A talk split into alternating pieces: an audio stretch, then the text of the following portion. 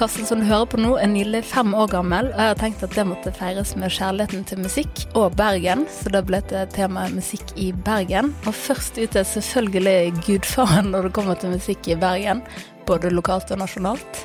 Geir Løde, også kjent som CEO i Made Management, manager for artister som Aurora og Sigrid, men også med sin egen musikkarriere bak seg, både som låtskriver, artist og produsent.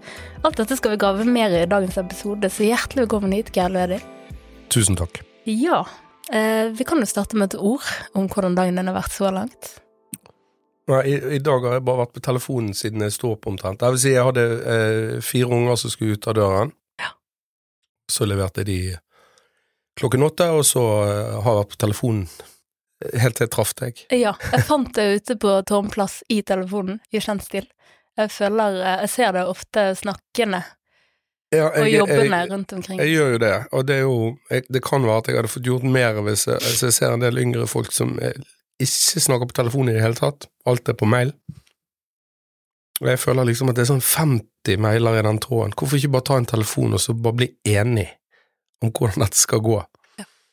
Men så ser jeg det veldig positivt med mail også, at alt er skriftlig, og, og du kan liksom multitaske og gjøre eh, Og så er det gjerne bare en kort beskjed, og når jeg er på telefonen, så er det kanskje bare en kort beskjed, men man prater om alt det andre også, så ja. blir de fem minuttene til en halvtime. Så det er sikkert positive og negative sider med begge deler, men jeg liker bedre telefon enn mail. Men, mm. Jeg har mistanke om at du er på jobb 24-7, og det skal vi egentlig få bekreftet i løpet av denne episoden, men vi starter alltid tilbake til eh, barndommen i Drømmefanger. Så når du var liten gutt og satt på gutterommet, så for meg du spilte luftgitar eller spilte på trommer, eller hva drømte du om den gangen? Ja, det var jo veldig tidlig at eh, fordi at eh, mine brødre og mine foreldre var, var musikere, eller det, det var liksom musikk som var livene våre, da. Så det var jo å, å bli popstjerne som var det første. Ja. Uh, Hvor så, gammel kan du huske at du var da? Og jeg, jeg begynte å spille gitar med, med den der um, Heggum-boken som, som het Heksedans, eller som heter Heksedans. Så det var en Eh, veldig mye akkorder og veldig mye tall, og, um, så jeg brukte en uke på å komme meg gjennom første låten, og så, og så brukte jeg litt sånn mindre og mindre tid for hver gang jeg kom gjennom den sangen.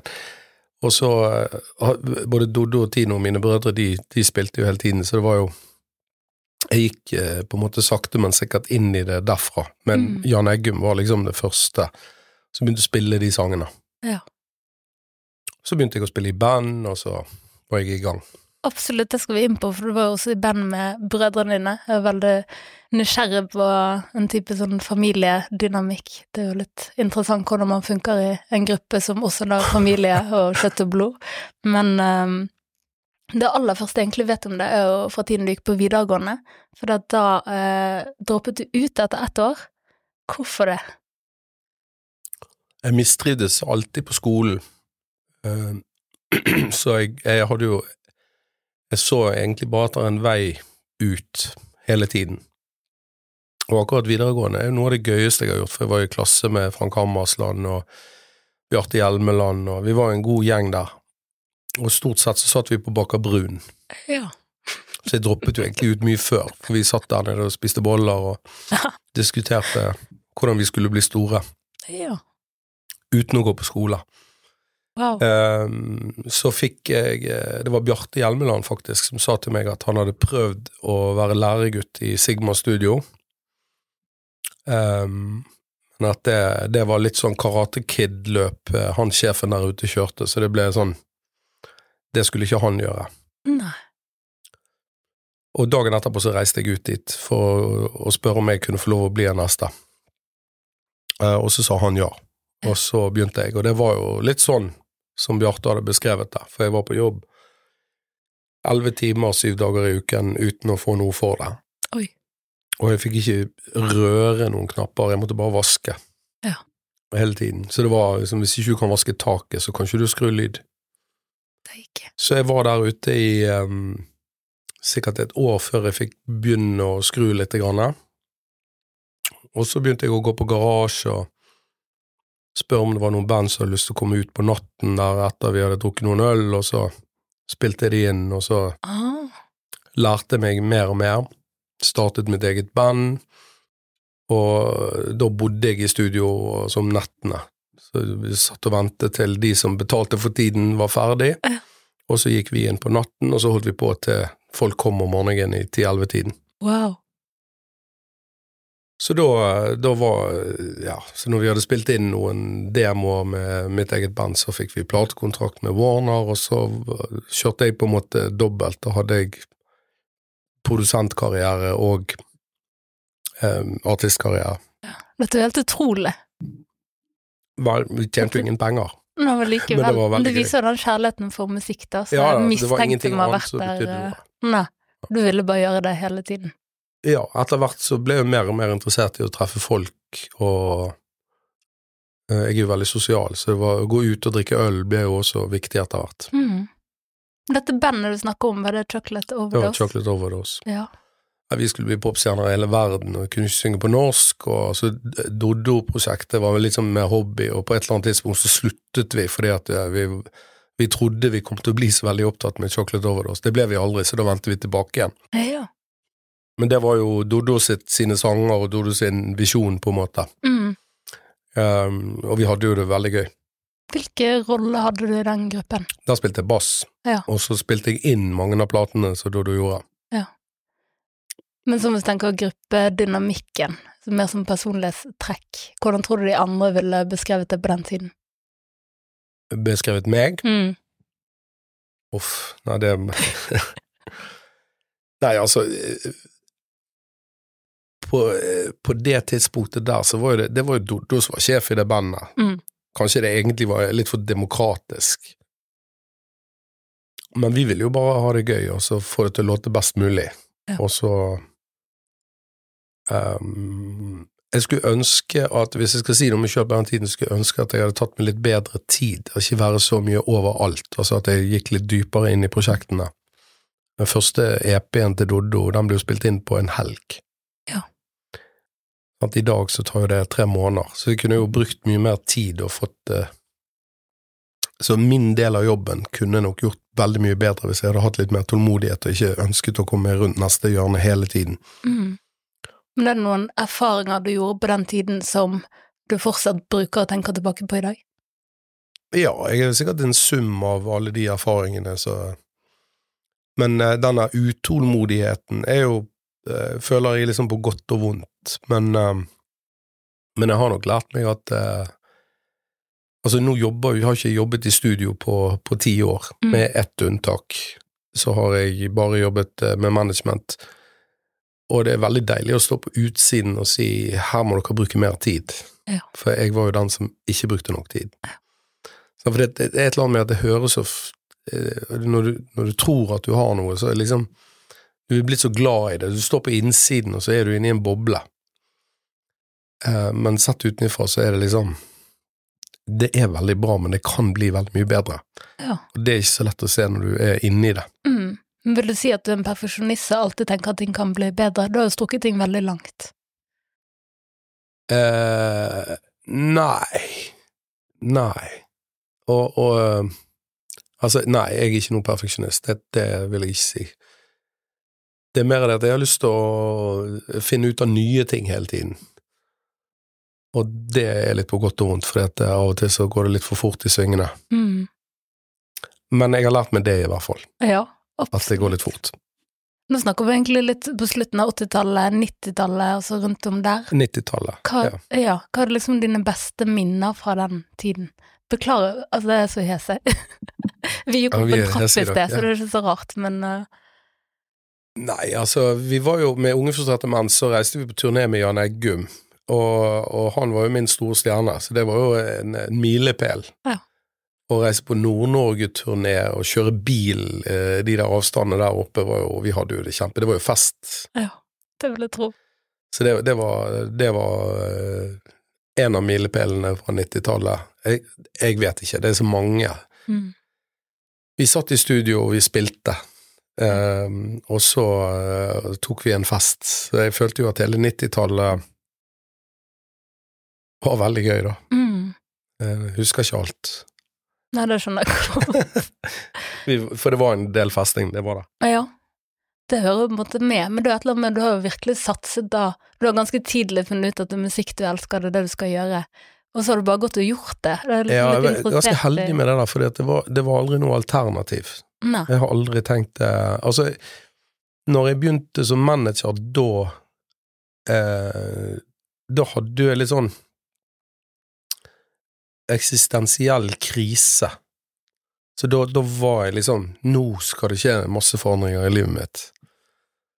Um, men, men, uh, men det å liksom gå fra å være i studio og det å holde på med band og, og sånt, til å bli manager, det var ikke så stor forandring som jeg hadde trodd det skulle bli.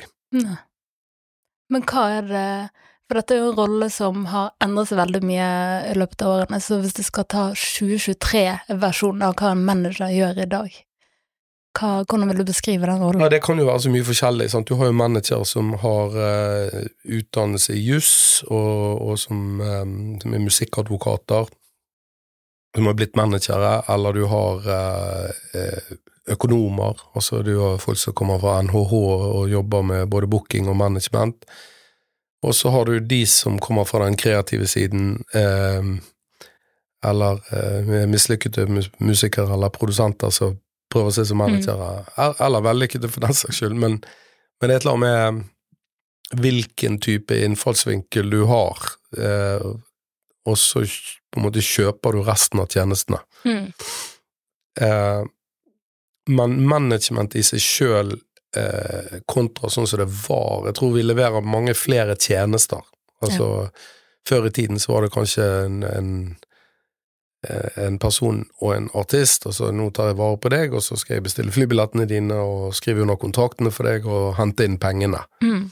Mens i dag er det sosiale medier, og det er mye mer omfattende eh, økonomi. Altså det, det kommer penger fra masse rare steder, og man skal holde kontroll på alt sammen. Mm. Eh, mye mer omfattende kontrakter på grunn av det. Og eh, større konkurranse. Sant? Det, det er 100 000 sanger som kommer ut hver dag på Spotify, så det, det å manøvrere hele Men jeg jobbet jo ikke i management på 70-tallet, men jeg forestiller meg at det er veldig forskjellig fra, fra det vi har i dag. Ja. Uh, og jeg kommer jo fra den kreative siden, så jeg har jo, har jo vært mest opptatt av utvikling helt i begynnelsen, og musikken. Mm. Um, så det er jo folk som er mye flinkere enn meg på å mene noe om det visuelle, for eksempel. Mm. Um, uh, og uh, med de artistene jeg jobber med, så er jo ikke det så Altså, de er så flinke sjøl på de tingene der. Men så har jeg en, en advokat som jeg har jobbet med siden jeg begynte. Eh, og, og siden før jeg begynte som manager, så, så har jeg jobbet med han. Så jeg tror vi er på 18. året nå. Oi. Så han har vært eh, litt mentor, men også eh, når jeg kommer til kort på kontrakter og liksom litt strategi i forhold til hvordan vi skal ta, ta neste skritt, Mm. Så har jeg hatt han, um, og det har vært viktig.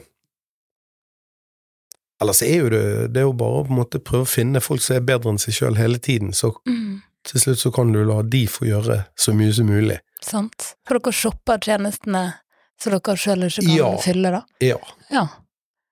eh, i praksis så er det det vi gjør. Mm. Men som du sa, du har jo ikke alltid vært manager, du har jo også vært på den andre siden, altså de du er manager for i dag, gjør ting som du også har gjort. Ja, Eh, når var det du på en måte fant ut at du ville gå den veien og bare eh, jobbe med management og det være var, manager? det var vel i 2011 det begynte å sprekke, eh, og da, da ville jeg gjøre en forandring. Mm. Eh, og Made ble jo startet med uten meg. Eh, med altså Per Mygland som var i spissen der, han jobbet for meg, og så hadde vi en eh, eh, Altså når han jobbet for meg og jeg var, hadde produksjonsselskap, så på den tiden her så var det en conflict of interest, for han kom jo til meg med for eksempel Susanne Sundfør. Ja. Og da var han manageren til Susanne, mens jeg var plateselskapet hennes, eller produksjonsselskapet hennes. Eh, og det var en conflict of interest at han da jobbet for, Mm. for meg. Så vi hadde en del sånne problemstillinger som gjorde at han eh, Vi ble enige om at vi skulle skille de selskapene. Ja. Og da startet han det som eh, ble eh, Made. Ja. Og så fortsatte vi eh, med hver vårt, men, men han hadde kontor i, i mitt studio. Mm. Så jeg var på en måte involvert, men eh, det var ikke før i 2012 da, at vi slo oss sammen. Ja.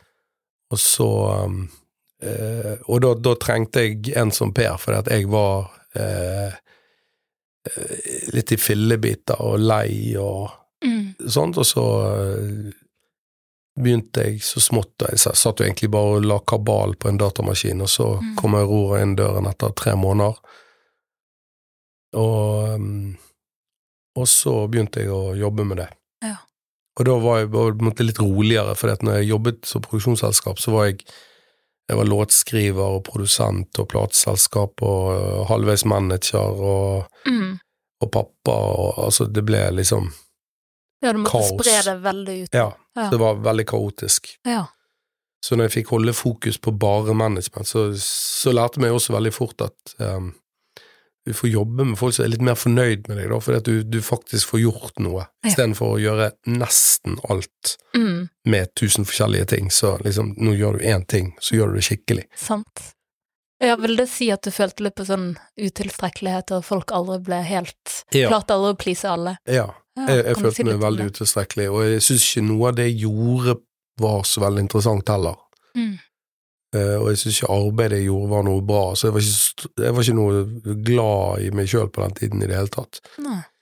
Og så eh, Men så får man litt hjelp av universet, sant? så skjer det ting, og så lærer man seg nye ting, og så kan man bruke den erfaringen. Sant? Og det Jeg har jo tatt meg sjøl i å si sånne ting til artister som jeg husker jeg hatet at folk sa til meg når jeg sjøl var artist. Ja. Eh, men det er veldig greit å ha det perspektivet, da. Absolutt. Eh, sånn at du kan tenke igjennom hva du sier før du, før du sier det. Men, og jeg har sikkert gått på trynet noen ganger, men, eh, men det å ha sittet i de forskjellige stolene er det jeg tenker sjøl liksom er en verdi jeg har i, i det som er mitt virke i dag. Klart. Du nevnte Susanne Sund før, så har jeg bare lagt merke til at flere av disse her artistene som man eh, har elsket, sant, Aurora Sigrid, de har liksom én ting til felles, og det er at de alle har, har jobbet med det, da. Men du har jo også jobbet med de, og du nevner at hun eh, kom inn dørene, hun hadde sluppet en video på Os, var det sånn? Hvem? Aurora. Ja. Ja, som dere har fanget opp, sant. Hvor tidlig skjønte du at dette her, dette er en gem, liksom? Med Aurora? Ja. Ganske tidlig. Mm, altså, hun var jo 16 år når hun kom til oss, og eh, Det var jo veldig eh, Hun trengte jo tid til å møte folk og jobbe med produsenter og bli kjent med seg sjøl i den nye settingen, da. Um, og det tror jeg noe av det lureste vi har gjort, var å ikke hive henne uti det med en gang. At hun fikk jobbe veldig lenge. Og det tror jeg lærte meg med For når jeg møtte Susanne, så var jeg sånn eh, Altså, jeg ble så enormt ambisiøs på hennes vegne. Mm. Og det tror jeg hun må ha opplevd som ganske skremmende. For hun var 18 år.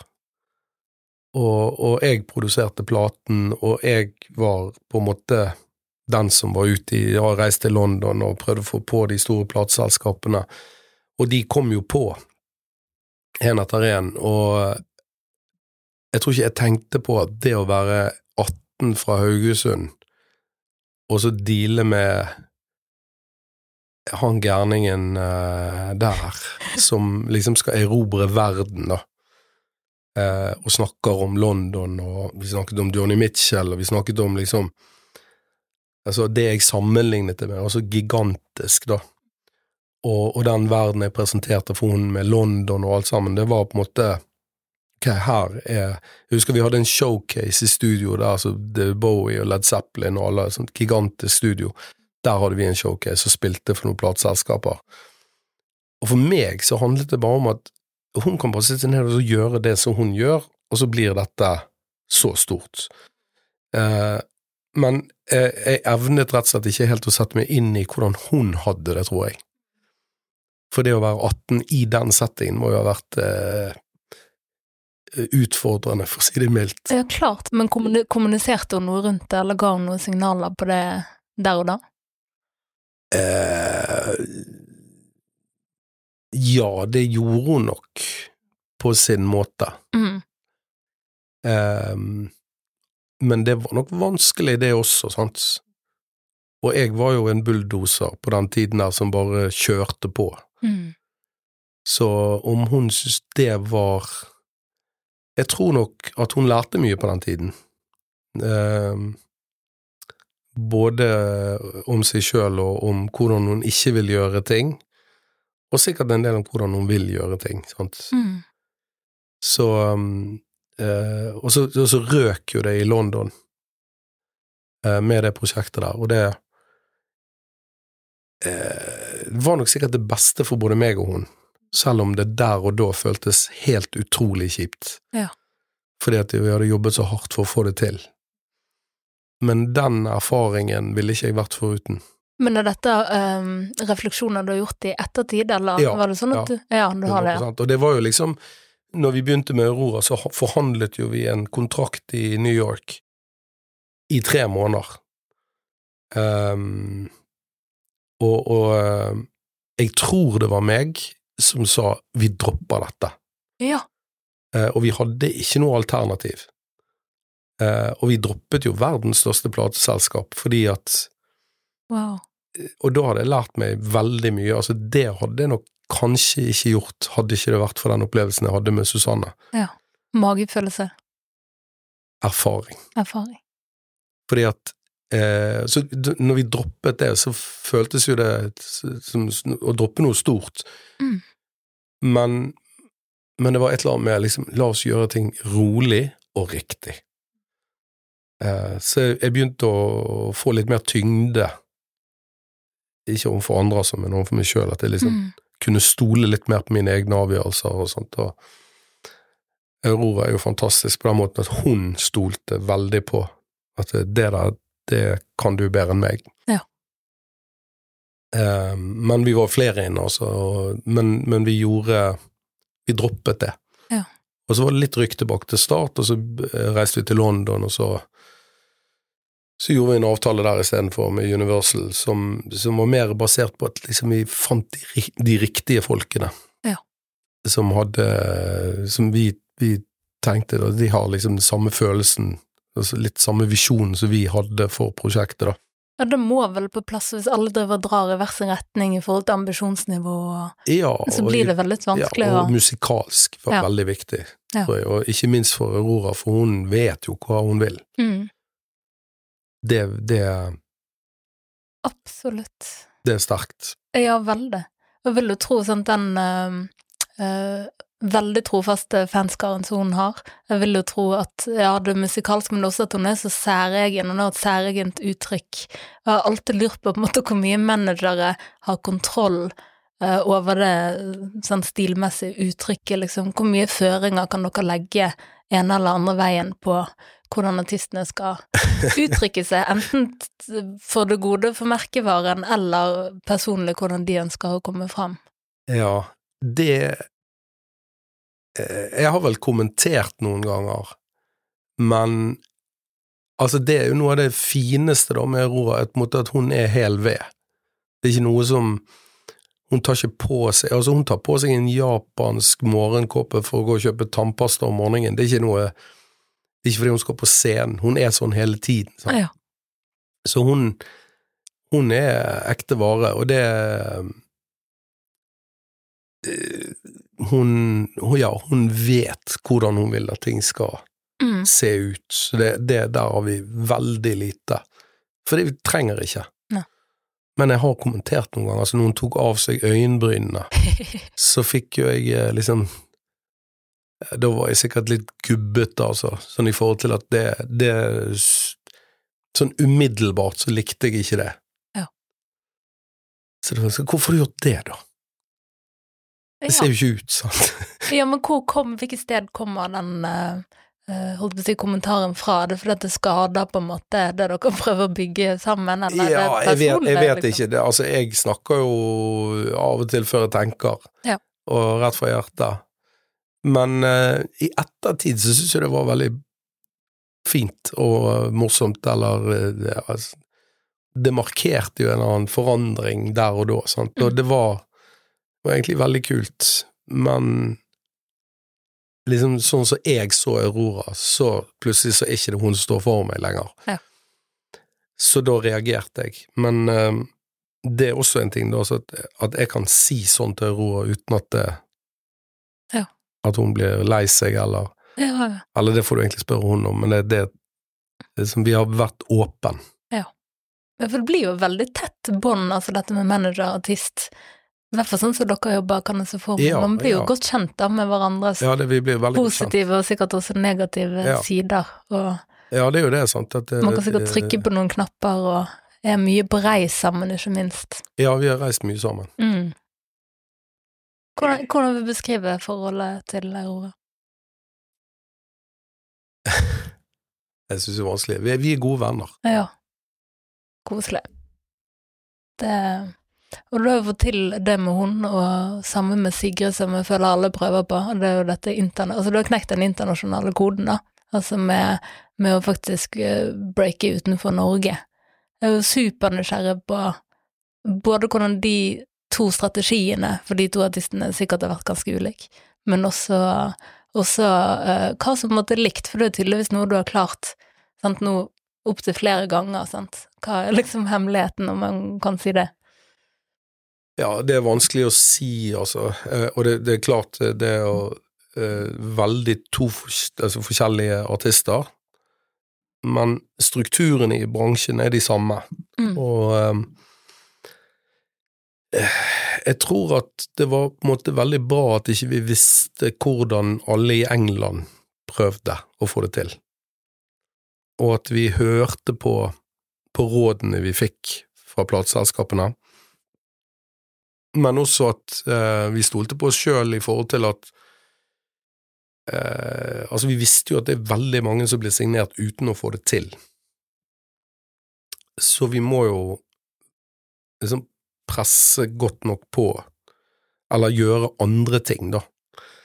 Men noe av det er også litt sånn eh, For eksempel Universal International, som er et- system i Universal som er mm, altså Det er jo en hel etasje i London, og det mm. de jobber med, det er å ha tentakler ut til de andre Universal-kontorene rundt omkring i, i verden. Mm. Og når når, eh, så liksom For å få de med på lag, så må du først gjøre det bra på den label du er signert hos. Så det blir akkurat som å få en platekontrakt etter du har fått en platekontrakt. Ja. Men for å få de med på, på det man Mm. holder på med. Og vi var jo veldig sånn og så at artister turnerte rundt omkring i verden, ja, da må vi også gjøre det. Mm. Eh, og det hadde ikke vi råd til, så da må vi skaffe de pengene. Og det er jo en evig pengejakt å være manager, men eh, så, så skaffet vi Altså, vi satset en god del penger, Mm. og så, eh, etter hvert så de, Spesielt Aurora i begynnelsen begynte å tjene penger sjøl, så, så, så brukte vi hennes penger også. Mm. Og så, og så gjorde vi de tingene der. Mm. Mens det jeg så i ettertid, var jo at veldig mange som ble signert i Universal i England, de prøver å komme seg på radio. Ja. Eh, prøver å komme seg på, på, på listene på Spotify. Ja. Og så hvis ikke det går, så er det litt slutt. Mens vi kunne på en måte uh, feede Universal International med at vi skal til Belgia, kan dere hjelpe oss der? Kan vi møte Universal der? Mm. eller Spotify i Belgia. Så de syntes det var gøy å jobbe med oss fordi vi tenkte internasjonalt. Um, fordi vi trodde det var det som skulle til. Mm. Eh, og det var det for så vidt, men det var litt flaks at vi tenkte sånn. Jeg tror hvis vi hadde vært fra London og tenkt sånn som managere tenker der, så hadde vi tenkt ja, nå venter vi på radiohiten. Mm. Og hvis ikke vi hadde fått den Og Aurora fikk jo ikke det. Ne. Så, men vi fikk veldig mange sånne små seire Ja. som var store for oss. Og, og det at eh, de var store for oss, gjorde noe med hele stemningen i teamet. At, at vi var så positive fordi at vi følte at vi hadde vunnet hver gang vi vant en liten seier. Ja. Og så reiste vi eh, rundt omkring hele verden, egentlig, Eh, og jeg var med og møtte Universal i, i de landene jeg kom til, og sånt, og så hadde vi samarbeidspartnere som fikk Aurora inn i møte med Disney der, og i møte med Amazon der, og Google der, og så Mm. gjorde vi masse intervjuer og sånn. Og vi var også veldig positive til at plateselskapene kom tilbake igjen til oss og sa ja, men dette var fantastisk, og vi vil gjerne ha dere tilbake igjen, og vi vil gjøre mer intervjuer og sånt, og vi sa ja til alt mulig. Ja. Og det tror jeg på en måte var litt utradisjonelt, uten at vi visste det. Mm. Så, så vi hadde litt flaks. Ja. Men, men vi jobbet jo på, da. Veldig. Ja. Så tenker at dette nettverket, det er jo det hele tatt få kontakter i London, altså dette har jo ikke kommet av seg sjøl, så på et eller annet sted på reisen så må du liksom ha, ha dannet de muskler, hvis man kan kalle det det, at det er naturlig å ta en telefon til London og på en måte få Ja. signet artister der Og det borte. var for så vidt liksom med Aurora, da, så hadde jeg han advokaten min som jeg snakket om. mm, Nå, eh, jeg sendte han noe musikk med Aurora uten at han reagerte. Ja. Men så sendte jeg bilde. Og da var det sånn Dette likte han. ja. Eh, og så ehm, eh, Og det var liksom For meg så var det at, at han likte det, for han gjør liksom Adele og Dua Lipa og alt mulig sånn, så det var Mm. liksom Ok. Dette var jo egentlig Jeg husker ikke når han tok på Adele, men han var liksom først ute på det. Men Mm. eh, han har gjort så mye, da. Eh, Prodigy og sånn, så da han Oh. likte det, så var jeg Ok, da har vi et eller annet. Ja. Ehm, selv om det var noe bilde, kom han virkelig plukket opp telefonen og ringte til meg. Um, men, men han åpnet noen dører for meg med Susanne, sånn at uh, han var bare en av de jeg kunne ringe til, og så Mm. kunne jeg reise til London og så kunne jeg ta noen møter. Ja. Uh, men så fikk jo vi disse amerikanerne på, som egentlig var et forstyrrende ledd, men lærerikt, Ja. som vi, vi forhandlet med i tre måneder før jeg havnet tilbake igjen i London. Mm. Gøy. Gøy. Og da går vi inn i spalte Pingvin i fryseren, så Geir, take it away. Hva fikk deg til å le sist på internett? Altså, eh, meg og min kjæreste har nettopp gått til anskaffelse av en chihuahua. Oh. Og eh, vi har snakket så mye om denne chihuahuaen, eller hun har i hvert fall gjort det, så det dukker jo opp en del chihuahuaer i feeden min på Instagram. Så jeg, jeg husker ikke, men eh, det er jo mye morsomme hundevideoer. Ja. Eh, jeg prøver å unngå, unngå å liksom gå inn i de greiene der, for da blir jeg bare værende. Ja. Men jeg tror det var en chihuahua som jeg eh, lo av sist gang. Er det mye sånn påkledning og utkledning og Eh, hun driver en god del med det. Oi. Hva og hvor drikker du helst på byen? Rødvin. Eh, hvor Mm. eh, Allmuen. Alme. Hva er det beste komplimentet du kan huske å ha fått? Uh, det kan Jeg har fått uh, Altså, jeg vokste opp med en brasiliansk mor som stort sett ikke gjorde noe annet enn å gi oss komplimenter hele tiden, så det var eh, eh, Jeg gikk jo rundt og trodde at det var helt fantastisk, eh, helt, helt til jeg liksom kom ut i verden og, og skjønte at ok, du må også jobbe for det. Eh, men det var hun som ga de fineste komplimentene, men det handler vel litt om hvor det kom fra. Ja. Men jeg kan ikke si ordrett hva det var. Å, for en deilig start, da. Og ja, være pepret med komplimenter. Hva er det siste du brukte penger på? Eh, det var en, det var en uh, jakke. Ja. Rains. Ja. Ikke noe når vi var utenfor. Jo, jeg var i London, og, og så var det så kaldt. Ja. Og så skulle det regne i London, og så tenkte jeg nå skal jeg kjøpe meg en sånn ordentlig god jakke. Ja. Uh, og den tåler 15 minusgrader, så var jeg en god, en god stund inne i den butikken. Når jeg kom ut igjen, så var det sluttet å regne, og så var solen fremme, så jeg begynte å svette i denne jakken. Oi. Hva er Bergens beste band?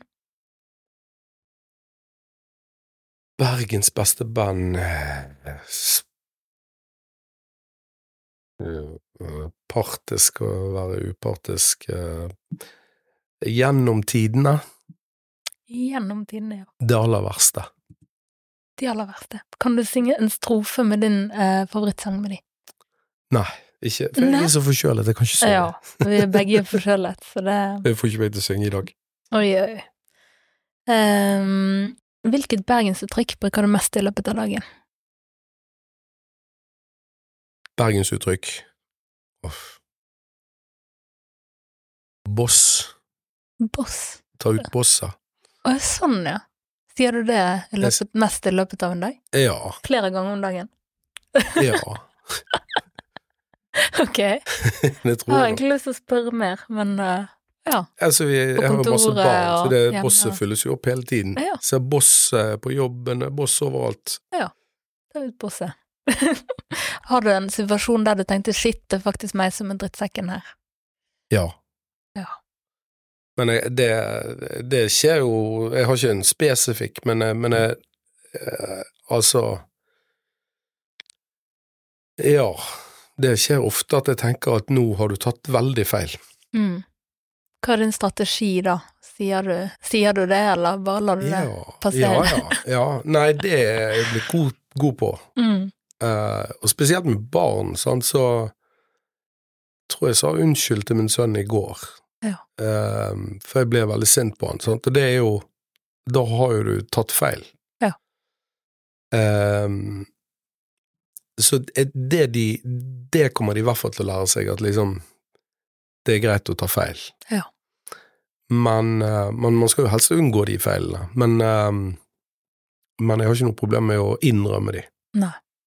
Så bra. Det har sikkert litt med alder å gjøre. Ja, kanskje man vokser det på seg.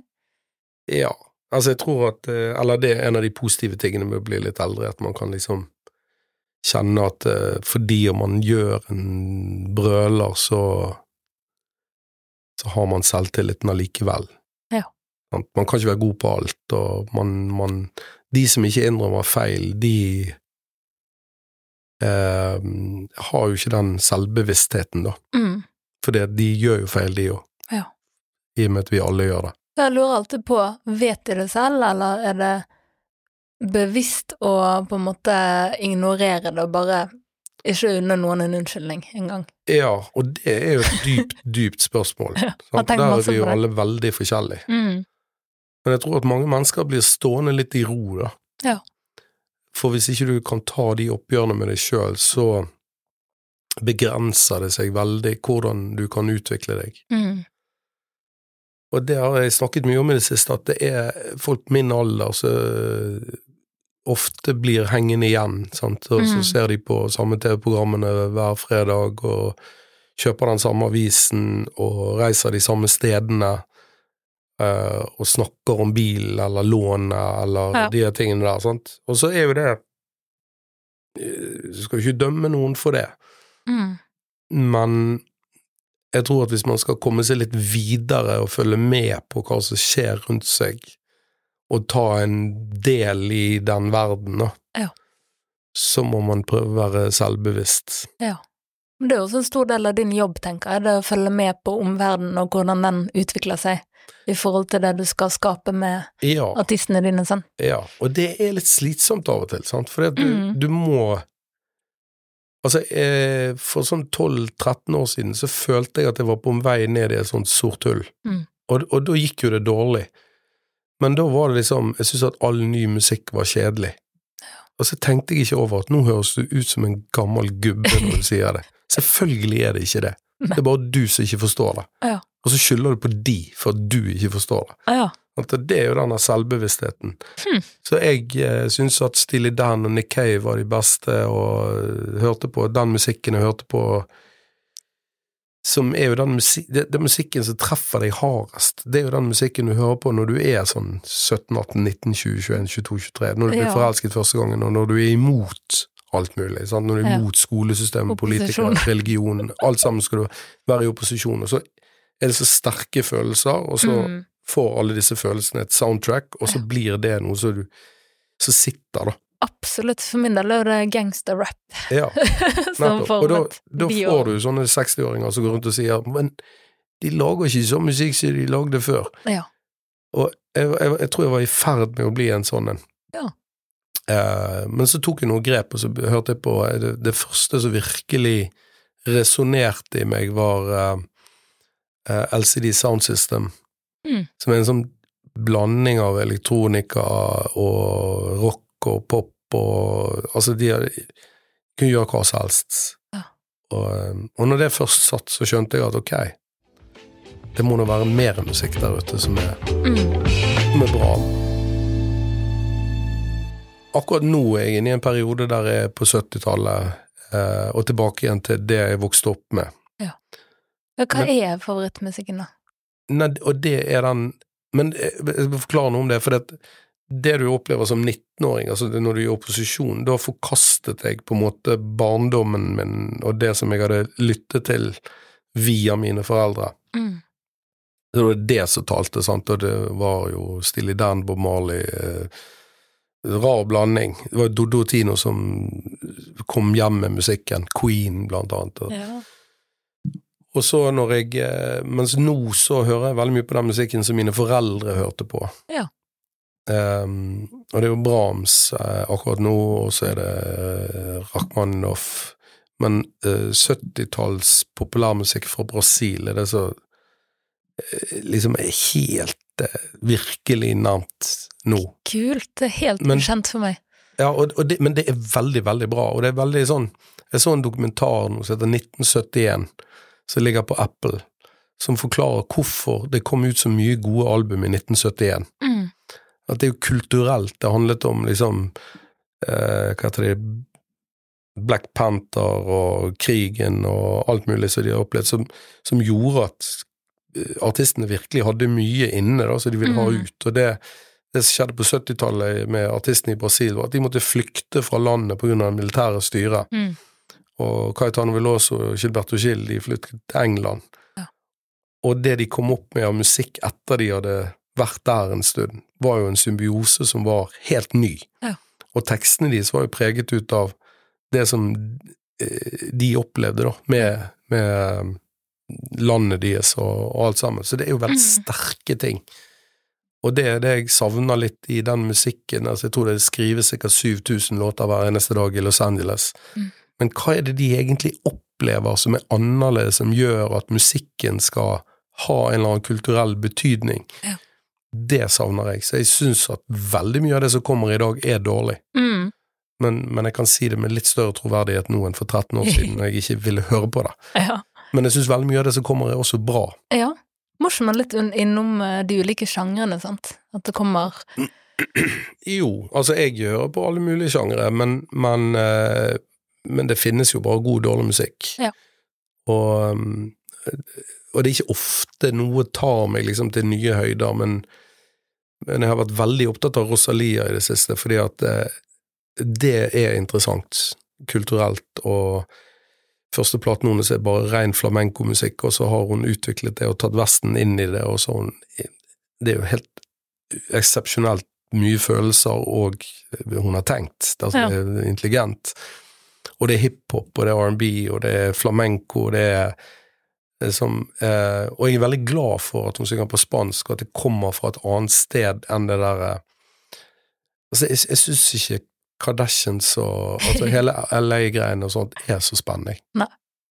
Men, Nei, men det skjønner jeg. det er jo veldig mange som liker det, så det men jeg bare jeg jeg ser ikke hvor hen det tar oss videre. Nei, det men, men det er jo et eller annet med kommer litt an altså, Sier man liker G-funk, da, så er det jo noe med um, altså West Coast-musikken, Mm. altså jeg vet ikke, Warren G, Nate Dogg altså liksom, Hvis du liker det, så har ikke noe imot at de er fra den delen av landet, Nei. på en måte. Uh, Samme hvor de kommer fra. Det kommer jo selvfølgelig mye Ja. spennende musikk derfra også. Mm. Men det er noe hvis det treffer en nerve, det er vel et eller annet hvis musikk treffer en nerve, føler man man har jo gjerne de øyeblikkene der alle får gåsehud i et rom. Ja. Det ser man jo på sånne norske talenter og Ja, no, X-Factor, Så det er jo den ene personen som kommer inn og Ja. bare blåser alle av banen. Og da sitter det ved sånn som du som på en måte kan forutse at det, at det kom til å skje idet de åpnet uh, ja, og det, munnen, men de der magiske øyeblikkene, det er jo de man er på jakt etter. Ja. Og de kommer ikke så ofte. Nei. Men den teften for å fange opp talent, sant, for det er jo egentlig det jobben Mye av din jobb baserer seg på i dag, men nå var det du liksom skjønte at den, den hadde du, at det var ikke nøye med hva for eksempel en annen person hadde sagt var bra, da, at du skjønte at faktisk hva du sjøl tenkte som teller. Eh, Men det har ikke jeg tenkt så mye på. Jeg har Nei. bare tenkt at jeg skal jobbe med noe som jeg elsker. Ja. Jeg har ikke tenkt at jeg har et, talent for det. Det er bare som Hvis jeg liker det, så er det sikkert noen andre som liker det òg. Ja. Men jeg er veldig glad i folk som har jobbet med ting, og som har tenkt. Mm. Altså at, det liksom, at man tar noen runder med seg sjøl før man går videre med det. At det er liksom Altså, det er jo eh, noe som er felles for de jeg har jobbet med, at eh, de er veldig flinke å synge, for eksempel. Mm. Altså, det, det er bra Det er bra greier. Mm. Ehm, ja, altså, jeg liker jo noe Så det, går litt på smak, rett og slett. Mm. Tror jeg. Ja, absolutt. Og da tenkte jeg litt på Don't Kill My Vibe, eh, for vi snakket jo litt om Aurora i sted, men Sigrid, liksom, første gang du hørte den låten, skjønte du på en måte hva som var i ferd med å skje? Ja, ja, ja, ja. Mm. Altså, det var jo en god dag på jobben, det. Vil jeg tro. Så da hadde vi eh, Men altså, Sigrid er jo en av de der eh, altså Etter min mening, da, så er hun en fantastisk, fantastisk låtskriver. Mm. Um, hvis du er det, så er det mye større sjanse for at du skriver en hit. Mm. Og det er jo ikke så mange som gjør. Altså det Jeg vet ikke hvor mange hits Elton John har hatt, men han er jo en av de største i verden, og kanskje han har hatt ti låter på topp ti i USA. Altså det er ikke Og han har jo holdt på i 40 år, så det kommer jo ikke hver dag, selv om du er en av de beste. Og det er ikke noe du kan sitte deg ned og si at nå skal jeg gjøre det. Det skal Mm. treffe kulturelt, og det skal treffe på så utrolig mange plan. Og det der er jo der magien kommer inn, sant. Mm. Eller ikke, jeg vet ikke, altså. Kanskje det er en perfekt dag med ikke være for varm, eh, ikke være for kald, ha spist nok, sovet godt nok, eh, ha et rom med veldig hyggelige folk, alt det utstyrsmessige fungerer. Altså det kan være tusen komponenter som gjør at i dag føles det sånn. Ja. Eller hva musikk du har hørt på. Så jeg, jeg vet ikke, men av og til så dukker det opp en sang som bare er Dette kommer til å fungere Mm. på et eller annet plan. Ja. ja, for du mottok det, men du sendte vel den av gårde? Altså, hva skjedde den- etter det? Nei, da, eh, da eh, sendte den av gårde, satte meg på flyet, og så når jeg landet eh, og åpnet telefonen, så var jo det meldinger fra flere enn jeg hadde sendt melding til. Ja. Så da, da, da begynte jo å deale med folk med en gang, og så begynte vi å liksom De var så interessert at uh, de ville til Bergen Mm.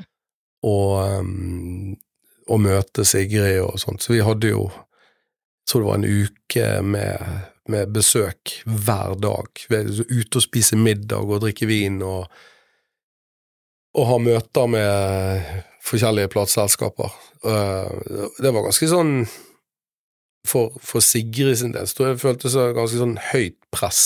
Mm. At liksom wow, nå er det mange store selskaper som vil at jeg skal skrive under avtaler med de og, og sånt. Mm. Så vi tok jo det ganske rolig, men det var jo Det skjedde veldig mye. Eh, og så var det igjen finne noen som hadde lyst til å jobbe med dette, ikke bare på grunn av den sangen, sant, fordi at Men på det tidspunktet da vi begynte å Altså, Sigrid hadde begynt å skrive noen sanger som var i den ånden, da. Mm. Sånn at vi kunne høre hva planer folk hadde hvis vi signerte der, og hva Ja.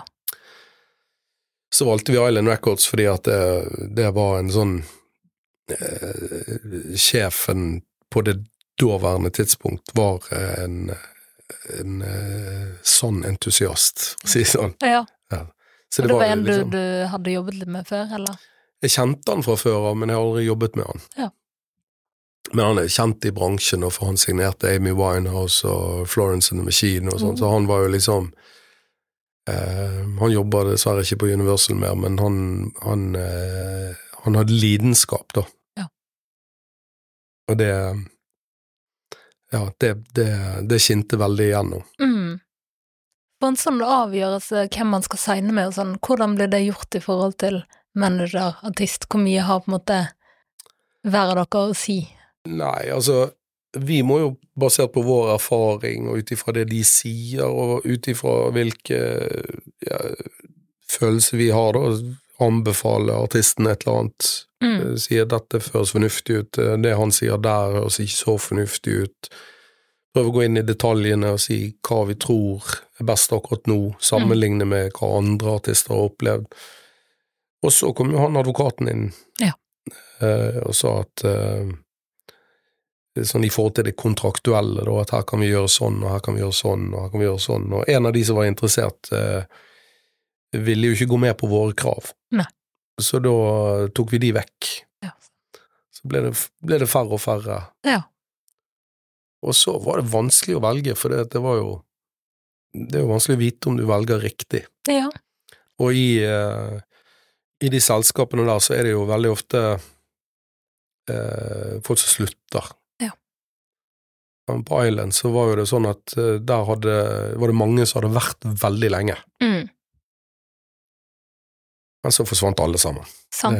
Det, det Og det kan ikke være personbasert, på en måte, det må være rammene Det må jo være rammene rundt, Ja. sant? men det er veldig vanskelig, for det er jo mennesker man, man uh, har kontakt med. Sant? Det, det er jo de du har lyst til å jobbe med. Mm. Så når det plutselig kommer nye folk inn, så blir det ganske vanskelig, da. Klart. Og for en verden som da er veldig ny for Sigrid, da har lurt på liksom Hvis du har et type jevn, altså internasjonalt gjennombrudd der hele Altså vi tror hele hverdagen, livet ditt endrer seg på en måte på veldig kort tid. Da skal du på en måte være klar, altså. Er det du som manager som på en måte må se om hun er klar for det? Og Ja. hvordan i så fall ser du noen klar? Ja, og det er vanskelig. Du må liksom trakke over noen linjer, altså trakke over grensen for å finne ut av hvor han er av og til. Sånn. Mm. Men eh, jeg liker å tro at liksom vi bygger opp et sånt så godt tillitsforhold, og at det er rom for å gjøre feil. Mm. Og det Ja. Man må stole på hverandre. Ja. Mm. Og hun må jo vite at hun kan utforske litt, vil jeg tro, da. Eh, Og at dere på en måte fanger henne hvis det For alt, Ja. alt er jo nytt. Ja da, Ja.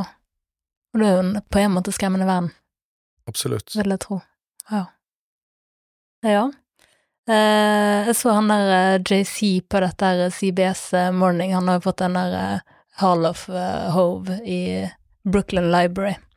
Og så sier han at han nekter å selge masterfilene sine, og så er det Bruce Springsteen som har gjort det, på en måte. Hvordan er det liksom samtaler man har tidlig, altså, for du har veldig store ambisjoner for dine artister, er det noe man liksom snakker om, Ja, altså, hvordan man forholder seg til sånne ting? altså, det er jo lett å si, sant. Mm. Men de største plateselskapene i verden, de gir deg en kontrakt der de eier masterfilene. Mm.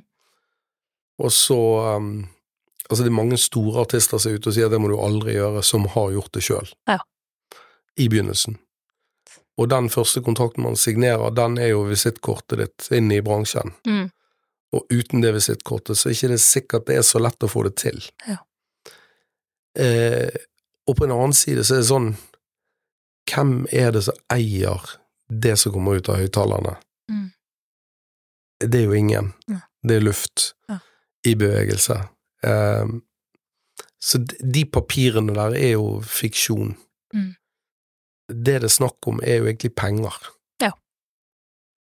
Og Jay-Z, han har ikke lyst til å gi fra seg de pengene, det forstår jeg veldig godt. ja.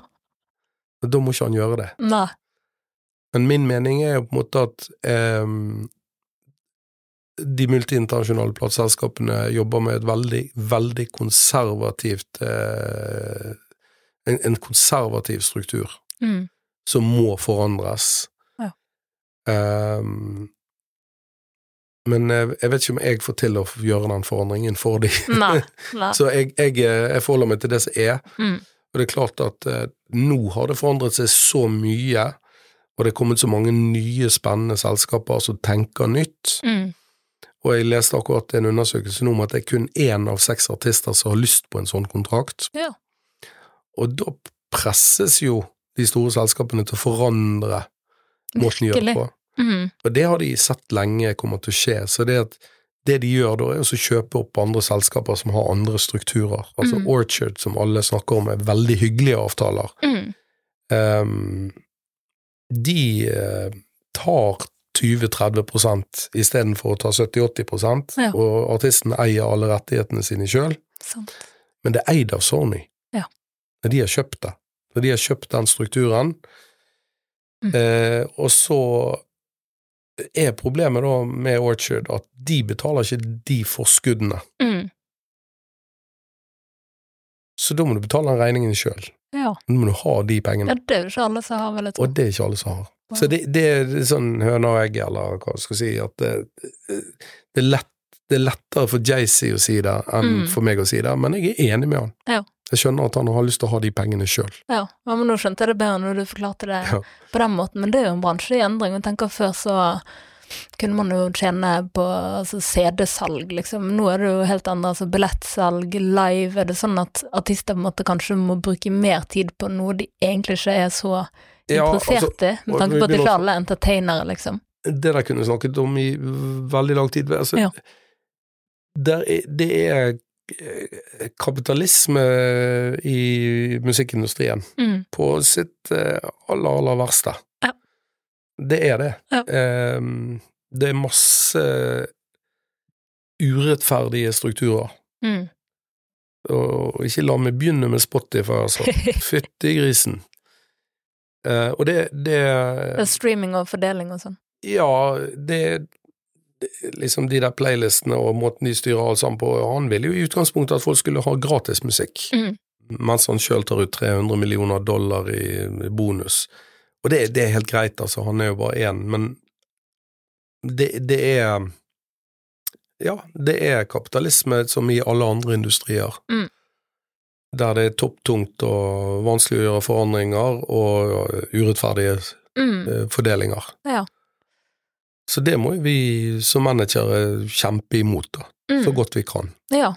Men jeg tenkte også sikkert motivere da artistene til å bruke tid på noe som kanskje ikke er den delen av jobben de syns er gøy, sant. Hvis du ikke er en entertainer, så er kanskje ikke sceneshow eller Ja, konserter det gøyeste du vet hvis du egentlig har lyst til å være i studio, men nå er jo det på en måte en del av det man tjener penger på. Jeg er litt usikker på etter covid, det er sikkert endret ganske mye ja, det gjorde nok. vaner. eh, Ja, det gjorde nok. Men eh, jo, altså, jeg må jo inn i de tingene der. Jeg er ikke så vant til å debattere de, eh, men Men det er liksom jeg, jeg føler av og til du kommer liksom til kort hvis du skal ta den diskusjonen med den andre siden, så kan de si at jeg hører hva du sier, Geir, men uh, but this is company policy. mm. Og du Å ja, ja, men Så da blir det sånn, da? Ja, stopper der. Ja. Eller ingenting. Og de som eier Universal, det er et invest fransk investeringsselskap. Jo bedre det går med Universal, jo mer penger skal de ha ut. Mm. Så det kan aldri forandre seg. Da. Hvis de bare skal ha mer og mer hele tiden, så vil det jo aldri havne mer til artisten. Nei, klart. Det Men historisk sett så, så Jeg tror det var Miles Davis eller Bob Dylan eller sånt som var første artisten i verden som fikk 8 royalties. Mm. Eh, Elvis Presley hadde jo null. Altså, der fikk han 100 dollar for å gå i studio en dag, og så gikk han i studio og spilte inn den platen, og så var han ferdig. Ja. Og så var det en fyr som tok de platene med seg i bilen sin og kjørte rundt til platebutikker og solgte de. Eh, og i dag så har jo artistene mye, mye mer enn 5 og 8 sant? Mm. Det nå er vi oppe i De hyggeligste avtalene er jo 50 Ja. Så det går jo riktig vei. Ja. Tror jeg. Ja. Jeg stoler på deg når du sier det. Du vet mye bedre enn meg, i hvert fall. Eh, Men når det kommer til eh, eh, musikkminner, sant, nå har du sikkert veldig, veldig mange av de, både med de du jobber med og personlig, men hva er liksom det sterkeste musikkminnet du kan huske og ha? Det kan jeg, jeg kan jo si at eh, I går tenkte jeg på det, fordi at jeg eh, tenkte på Sigrid at eh, det, var, det var en spillejobb hun gjorde i, i England, hun spilte på Brixton Academy. Og så sto jeg og irriterte meg over at ikke lyden var bedre. Mm. Eh, det lokalet er veldig vanskelig. Eh, og så kom agenten min bort til meg og spurte hvorfor jeg så så sur ut, og så sa jeg eh, jeg står og tenker på lyden, liksom. Mm. Så sier han men det er 5000 mennesker her, Geir. Dette er jo helt fantastisk, det er jo Ja. en milepæl. Ja. Men for meg så var det den første gangen hun spilte på Kvarteret i Bergen for 200 mennesker, og halvparten av de var musikkindustrifolk. Ja. Fordi at da, da var det liksom Da visste vi det. Da Nå kan skjønte du det. fra nå av så kan vi bare skru opp forsterkeren, og så skal dette skje. Ja. Og så må vi bare passe på at ingen kommer i veien. Wow. Eh, og så var jo det bylarm med, med Aurora første gangen. Det var jo også et sånn et øyeblikk av magi som Altså, der bare satt alt. Egentlig ikke, for det, vi hadde ikke så mange gode låter på det tidspunktet, og lyden var helt sikkert ikke Så minnet mitt er sikkert bedre enn hva det egentlig var, Mm. men i rommet der eh, så var det noen vibes som var helt elektrisk, Ja. og som eh, ga den følelsen at wow, Mm. nå kjører vi. Og det kan jo ikke gjenskapes nødvendigvis, sånne øyeblikk. Jeg føler man merker det ofte på Altså hvis du hører en demo, liksom denne energien som folk har på en demo, kanskje ikke det samme som de har langt inn i en karriere, da, så du vil det litt mer. Ja. Ja, at det er litt sånn magisk, og ha Det- vært på noen noen sånne konserter i den fasen, så du bare skjønner at dette kan aldri på en måte Det er derfor ofte første albumet har et eller annet ved seg som andre albumet mangler. Sant. Så kommer det kanskje tilbake igjen. Men apropos eh, begge de to følgerne, når du ser de på en scene, at du bare ser liksom Du syns de ikke skulle gjort noe annet i, i livet, og det er jo bare noen som har det, så noen som ikke så har det. Ja. Hvordan på en måte eh, pinpointer du denne it-faktoren når du kommer i kontakt med artister på tidlig stadie, da? Eh, nei, altså, det er jo på en måte eh, å se om det er dette de vil, da. Mm. Og holde det fokuset. Ja. Altså Det går jo på selvtillit, og det går på arbeidskapasitet, Mm. og hvor fokuserte de er. Ja. Men, men det er klart eh, jeg, jeg var på konserten med, med Sigrid nå, på, på verftet, og så så jeg han sammen med Sjøbadet. Jeg, jeg sto ikke sammen med noen jeg jobber med, eller en plateselskapsfolk, Mm. Så jeg så det sammen med de. Det var veldig, veldig kjekt. Jeg Ja. følte meg som eh, ung igjen på konsert. Ja. De sto og sang med, og drakk øl, og sånn som vi holdt på. Det, det var utrolig inspirerende, for jeg, jeg, jeg mistet på en måte evnen til å Altså, jeg var ikke manager, jeg var mm. vanlig publikum. Ja. Og jeg kan jo de sangene, så jeg sto og sang med, jeg også, det var, var utrolig gøy. Um, og da slo det meg på en måte at shit, hun synger bra. Det er jo sånne ting som jeg tar som selvfølge, sånn. Mm. Men da slo det meg veldig at herre du min så hun synger i dag. Ja. Egentlig så gjør hun det hver gang. Ja. Og gud hvor hun leverer på scenen, sant. Ja. Men hun er bare så utrolig fokusert, Mm. sant, at det er Der eh, Jeg tror hun opplever mye lykke. Mm. Men får du samme stolthetsfølelse som du fikk eh, i starten når du jobbet med henne? Men det eh, Ja, ja, det gjør jeg. Ja. Men det er ikke alltid jeg syns det er gøy å gå på konsert, Ne. fordi at eh, jeg har hørt så mange ganger, og fordi at jeg ikke klarer å leve meg inn i det, eller for Ja. hundrede gang, liksom. mm. Det blir jobb. Ja, det er, det er litt jobb av og til, og det skal jo det også være. Jeg skal jo prøve å si hva som ikke er bra. Mm. Absolutt. Eh, men det glemte jeg der, og det er, det er jo veldig bra nå, da. Jeg har ikke, har ikke noe jeg kan si etterpå at det er liksom Vi diskuterte etterpå at kanskje det var en låt for langt, Mm. sånn type Men det er jo marginale ting. Ja. Altså, jeg hadde det bare eh, kjempegøy. Det nærmeste jeg har vært den første, var Mm. kanskje den i Bergen der. Mm. Har du vært i nærheten av å finne talenter som dette igjen? Ja, Ja. Det må jeg si. Hvordan eh, Nei, det, merker du det? Altså, vi jobber jo med mange artister som jeg syns er helt uh, geniale. Altså, eh, jeg kan ikke begynne å nevne navn eller utelate noen, men altså Askjell, for eksempel, Mm. er jo en av de største kunstnerne jeg har møtt. Um, og det at det ikke har den samme kommersielle suksessen, har ikke så mye å si for meg. Ehm, altså, det, det har jo noe å si for lommeboken til de som er involvert, men rent kunstnerisk, og det er jo derfor jeg driver med dette, fordi jeg har lyst til å holde på med noe som er, gir mening for meg, da. Men den musikken som han har gitt ut, det beveger meg jo dypt, og det er en fantastisk komponist og artist og alt sammen. Sant? Det er bare en helt annen verden. Mm. som et eksempel. Ja, mange flere. Absolutt. Og da er vi inne på det her som jeg hørte at du har sagt før med folk tror Altså det er en feilslutning, og folk tror at du leter etter noe veldig kommersielt, mens egentlig så er det noe langsiktig og noe litt mer kunstnerisk du ser etter. Ja, og det er Eller noe med særpreg, da. Ja, Mm. det, det er fordi at det tenner meg, men også fordi at hvis du skal trenge igjennom i dag, så må du lage noe som er annerledes. Hvis du lager noe som høres ut som The Weeknd, så, så er det en der som heter The Weeknd som har gjort det før. Ja. Og da blir man jo outet på. Men det, altså yrket ditt er jo på en måte litt sånn som gambling, at du putter penger på hester, i hvert fall i en tidlig fase, så ser man på en måte hvordan det går, men det er noen du har hatt inne i en sånn vurderingsfase og på en måte sagt nei til, og så angret i ettertid. Shit, dette ble jævlig bra. Jeg har hatt noen møter med noen som har gjort det veldig bra. Ja, ja. Jeg vil Eh, nesten bare tro det. Sist gang jeg møtte Gabrielle, så sa hun nei, du vil ikke jobbe med meg Jeg husker, jeg husker ikke hvordan det er, men det var jo eh, Når jeg møtte Gabrielle, så hun ville jo Da sang hun på engelsk. Mm. Har jeg lov å si dette? Men hun ville gå, da gå på norsk, sant? Men jeg skal jo erobre verden, Ja. så det gikk ikke det. Uh, der er noen flere. Så um, Men eh, altså, sånn er det jo. Mm. Det er ikke, altså, jeg tror ikke at Gabrielle hadde gjort suksess hvis hun hadde jobbet med meg. Nei, ikke nødvendigvis, Nei. eller? Nei. Nei, hvorfor ikke da? Nei, for jeg tror at det er en suksessfaktor at man matcher bra Ja. med de man skal jobbe sammen med, Mm. Spesielt i begynnelsen. Ja. Hvem er det som for Jeg vil tro at en del som hører på, kanskje har lyst til å matche med deg, da. Hva er det som eh, du ser etter? Nei, men jeg, jeg syns det er så vanskelig nå Mm.